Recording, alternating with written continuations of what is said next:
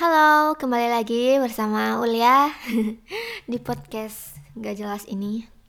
Oke, okay, so ini kayaknya lama banget aku nggak rekaman buat podcast karena gak ada kesibukan sih sebenarnya, cuma emang gak ada ide aja. Dan somehow akhir-akhir ini tuh aku ngerasa males ngomong sebenarnya. Entah chatting, entah ngomong langsung pakai suara.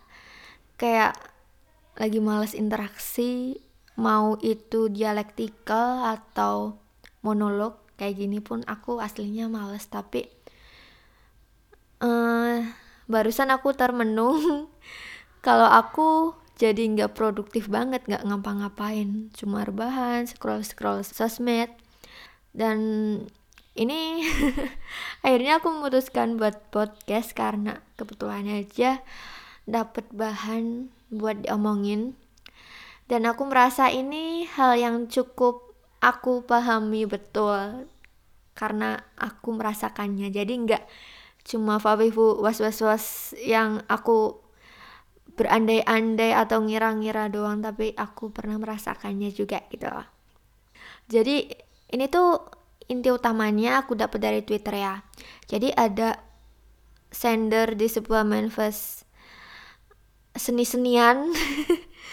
Itu kayak curhat kalau karya dia itu flop di akunnya. Flop tuh maksudnya gagal kayak nggak dapet respon atau nggak dinotis banyak orang gitu loh. Nggak ada yang nge-like mungkin nggak ada yang komen nggak ada yang retweet. Terus dia itu kayak uh, curhat gitu minta solusi ke manifest manifest tapi rata-rata uh, jawaban dari keluhannya itu kayak cuma nggak usah mikirin like atau engagement lah. Kita berkarya itu santai-santai aja nikmatin aja gitu gitulah rata-rata komen-komennya. Terus si sender ini bikin manifest lagi tuh kalau dia tuh kayak kurang terima gitu loh sama jawaban itu. Soalnya dia emang ya pengen berusaha buat naikin engagement akun atau karya dia tapi malah jawabannya kayak cuma nikmatin aja lah kayak nggak menyelesaikan masalah gitu loh. So here we go. Ini masalah engagement. Engagement itu artinya apa sih? Sebenarnya aku paham tapi aku tuh nggak ngerti arti yang benar-benar bahasa Indonesia nya oke. Okay. Keteri keterikatan. Bener nih keterikatan. Kayak expo expo exposure gitu sih kayak keterkenalan kita di sosial media. Kayak kayak kita tuh merich berapa orang berapa yang merespon karya kita. Intinya gitulah. Apa sih namanya? Aku lupa ya. Bahasa Indonesianya yang pas itu engagement apa sih? Pokoknya itulah. Kalian paham lah harusnya paham. Nah kebetulan aku ini udah mulai karya-karyaan dan share-share karyaku di sosmed itu sejak aku SMP kelas 2 dan pas itu tuh masih berupa tulisan sih. Aku dulu suka nulis kan. Terus aku suka publikasi karya aku di blog dan di situs bernama fanfiction.net dan itu karena masih kelas 2 SMP itu kayak masih burik banget tulisanku sumpah demi Allah nggak tahu EYD yang bener. PWB apaan itu nggak ngerti. Pokoknya asal nulis aja aku menuangkan ide ala-ala anak SMP kelas 2 lah gimana.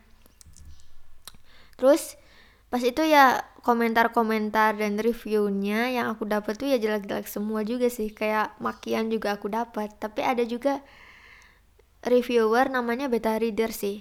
Beta reader itu kayak yang suka mengoreksi dan suka kasih kritik saran tentang karya-karya. Itu ada tuh beda reader yang ikhlas membeta karyaku bener-bener rinci dan detail banget. Yang salah itu bagian apanya itu ditulis semua. Sumpah aku kayak merasa takjub banget sih pas itu. Wah ada yang mau mengoreksi tanpa ngehujat-hujat gitu. Bahasanya juga ya walaupun kesannya keras tegas gitu tapi ya emang make sense gitu loh. Nggak buat ngejatuhin aku Nah dari situlah aku ngerasa wow ternyata kayak gini ya rasanya berkarya dan mendapatkan respon entah positif entah negatif dari orang-orang. Apalagi di sosmed itu kan rata-rata kita nggak kenal ya. Dulu tuh review aku satu FF rata-rata paling pol juga 10 10 komen. Dan reach outnya tuh viewsnya paling-paling berapa ratus dan itu ukurannya sedikit sih buat ukuran FFN pada saat itu ya. Apalagi fandom aku tuh mainstream banget Naruto anjir. Sasusaku lagi. Sasuke Sakura kan banyak yang suka kan. Normalnya kalau nulis di fandom yang mainstream uh, pairingnya juga mainstream kayak Sasuke Sasuke Sakura itu ya banyak lah yang baca. Nah itu pas itu aku enggak coy. Jadi ya bisa dibayangkan betapa noobnya dan ecek-ecekannya pas itu makin gede nih. Aku makin improve kan improve penulisan uh, style menulis dan ide-ide gitu. Dan aku explore berbagai gen genre nulis juga. Dan sampai halnya aku di titik aku puas sama tulisan aku reviewku malah makin dikit. Iya sih isinya positif semua tapi kayak cuma paling 3-4 gitu loh. Tapi aku ngerasa nggak mempermasalahkan itu. Soalnya semakin aku menjalani itu semakin aku improve mengembangkan diri memperbaiki tulisanku itu aku ngerasa aku enjoy prosesnya gitu loh. Sampai aku lupa mengenai masalah engagement masalah review masalah likes masalah uh, viewers gitu gitu aku tuh benar-benar udah lepas akhirnya ada di titik seperti itu. Dan itu emang berjalan lama sih bertahun-tahun dari SMP kelas 2 sampai mungkin aku awal-awal kuliah. Awal-awal kuliah apa? Akhir SMA ya? Awal kuliah sih. Ya lumayan lah 5 atau 6 tahun tuh aku baru merasa mengaktualisasi diri nggak terlalu mentingin engagement. Padahal pas awal-awal tuh aku lumayan mentingin itu sih kayak kok reviewku dikit ya? Gitu mikirin banget likesku dikit. Tapi makin lama tuh aku makin lost banget karena setelah aku analisis atau aku renungkan aku berkarya dan nulis-nulis tuh emang buat kepuasan pribadi buat ngasup kesenanganku sendiri dan gak berorientasi ke arah profit Nah ini penting juga sih kalau misalkan ke arah profit pasti emang mikirnya ini kita engagementnya kudu gimana ya ada strategi-strategi tertentu biar bisa meraup pemirsa atau bisa banyak viewers, readers, reviewers gitu. Karena emang profit kan emang kebutuhan kebutuhan yang benar-benar material gitu kan. Kalau misalkan untuk kepuasan diri tuh ibaratnya cuma kepuasan batin jadi gak divalidasi oleh banyaknya penonton, penikmat, atau reviewers likes pun gak masalah gitu. Tapi kalau emang berorientasi ke profit ya emang mau gak mau kita harus mikirin engagement itu. Dan itu gak cuma di ranah tulis menulis ya, di ranah cover-coveran juga aku merasakan itu. Dulu aku cover masih rekaman pakai headset, pakai HP mixing juga masih buh-buhan banget.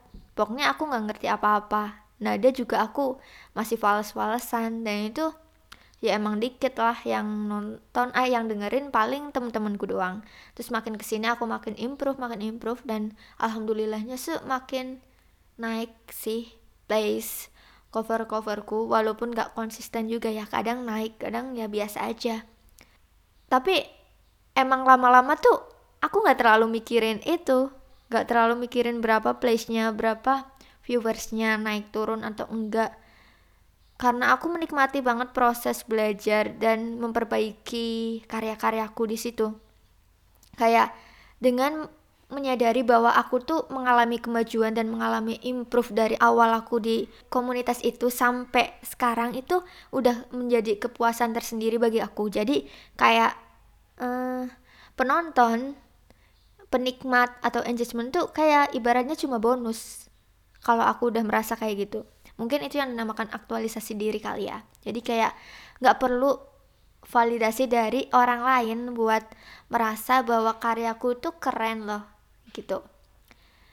Jadi emang itu prosesnya panjang. Kalau awal-awal pasti sih pasti kayak ngerasa vlog banget karya gue nggak ada yang nonton nggak ada yang dengerin nggak ada yang baca. Tapi kalau udah berlangsung lama berproses lama itu lama-lama udah makin idealis kalau aku ngerasanya ya. Idealis ya kayak aku udah puas dengan karya aku sendiri tanpa um, mendapat pujian atau exposure dari orang lain. Walaupun kalau dapat juga aku tetap seneng juga sih tapi aku anggap kayak bonus.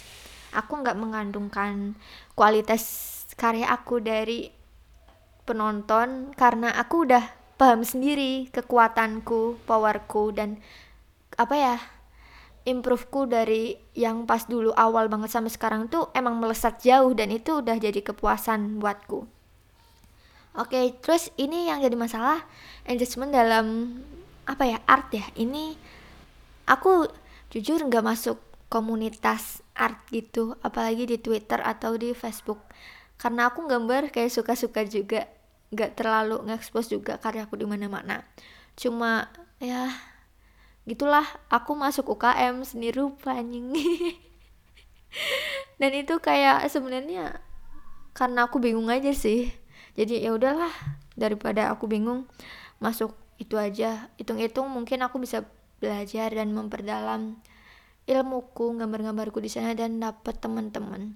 Menurutku masalah engagement ini untuk hal yang paling pokok untuk meningkatkannya adalah relasi dan komunitas. I really mean it.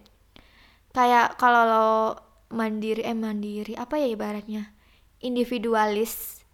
Dan kayak ngerasa karya lu keren segimanapun tapi lu tuh nggak berelasi nggak punya interaksi sama sesama uh, yang bergelut dalam hal itu tuh percuma gitu loh nggak bakal ke expose karya lu mau sebagus apa pun. Jadi ya usahakan bangun relasi dengan sesama penyuka bidang itu atau masuk komunitas-komunitas seperti ya UKM atau komunitas di Facebook di Twitter itu kan banyak ya. Komunitas atau circle-circle art gitu. Dan jangan pelit JBJB JBJB itu join bareng. Kayak jangan pelit kasih respon ke karya mereka juga gitu loh. Biar kita juga dapet respon balik dari mereka. Walaupun itu kayak nggak tulus juga sih jatuhnya. Kayak pengen apa ya kita nge orang lain karena ada maunya gitu kan. Tapi ya emang kita harus memangkas idealisme itu kalau kita orientasinya ke engagement. Emang harus gitu harus banyak interaksi mungkin collab-collab juga itu yang pertama yang kedua kalau masalah art ini kan biasanya apa ya ada aliran-alirannya ya itu ya kayak nyari komunitasnya atau teman-teman circle yang sealiran juga sih. Kalau misalkan di Twitter itu biasanya circle fandom. Misalkan suka gambar anime-anime style gitu kan. Kalau misalkan fandomnya Boku Hero biasanya pada ngumpul tuh circle artis Boku Hero. Atau Jujutsu circle artis Jujutsu gitu. Biasanya pada ngumpul lah dan pada saling nge-hype karya satu sama lain. Itu bisa sih. Jadi selain hobi gambar kita juga harus punya minat dalam hal lain yang sekiranya tuh banyak orang yang suka juga gitu loh. Nggak asal gambar art art doang gitu kita juga mesti ngerti pasarnya ibaratnya. Pasar yang menikmati karya-karya yang modelan karya kita itu siapa di mana seberapa banyak gitu. Terus hashtag. Hashtag juga berpengaruh sih entah di Instagram atau di Twitter. Karena orang-orang kan banyak yang nyari karya-karya yang mereka pengen lihat dari hashtag-hashtag itu. Terus yang paling penting juga adalah berproses memperbaiki karya kita. Karena ya biasanya kita songong rasa udah bagus jadi kita udah males memperbaiki diri gitu kan. Tapi tetap mempertanyakan kok engagement gue dikit banget ya? Nggak ada yang nge-hype karya gue padahal karya gue bagus gitu segala macam itu sombong sih. Jadi jangan pernah lelah memperbaiki karya kita atau improve karya kita. Karena itu juga bakal mempengaruhi banget ke engagement itu. Dan kemudian konsistensi. Ini juga penting penting banget. Soalnya aku ngerti aku merasakannya banget.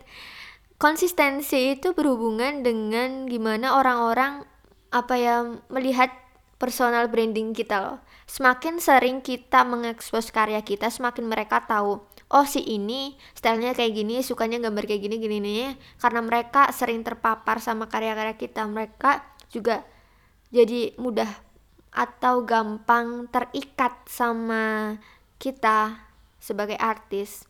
Itu nggak cuma di gambar sih di cover juga iya. Soalnya aku ya tahu lah tahu karena aku tidak konsisten jadi aku kayak gini-gini aja. Padahal mungkin kalau aku konsisten tuh aku bisa ngembangin channel YouTubeku tapi aku susah coy. Konsistensi adalah hal yang mahal sih menurut aku susah banget. Jadi itu bisa dicoba ya. Yang pertama bangun relasi atau gabung komunitas. Yang kedua uh, cari atau pahami pasar karya kamu. Yang ketiga pakai hashtag. Yang keempat apa ya tadi? Oh ya improve. Dan yang kelima konsistensi. Menurutku itu sih lima poin penting biar kita bisa menaikkan uh, reach apa sih namanya engagement kita di sosial media terutama ya. Oke, segitu aja dari aku. Aduh, ngelantur banget dan bahasaku kayaknya nggak rapi karena aku ngomongnya nggak persiapan apa-apa so, ceplos gue aja.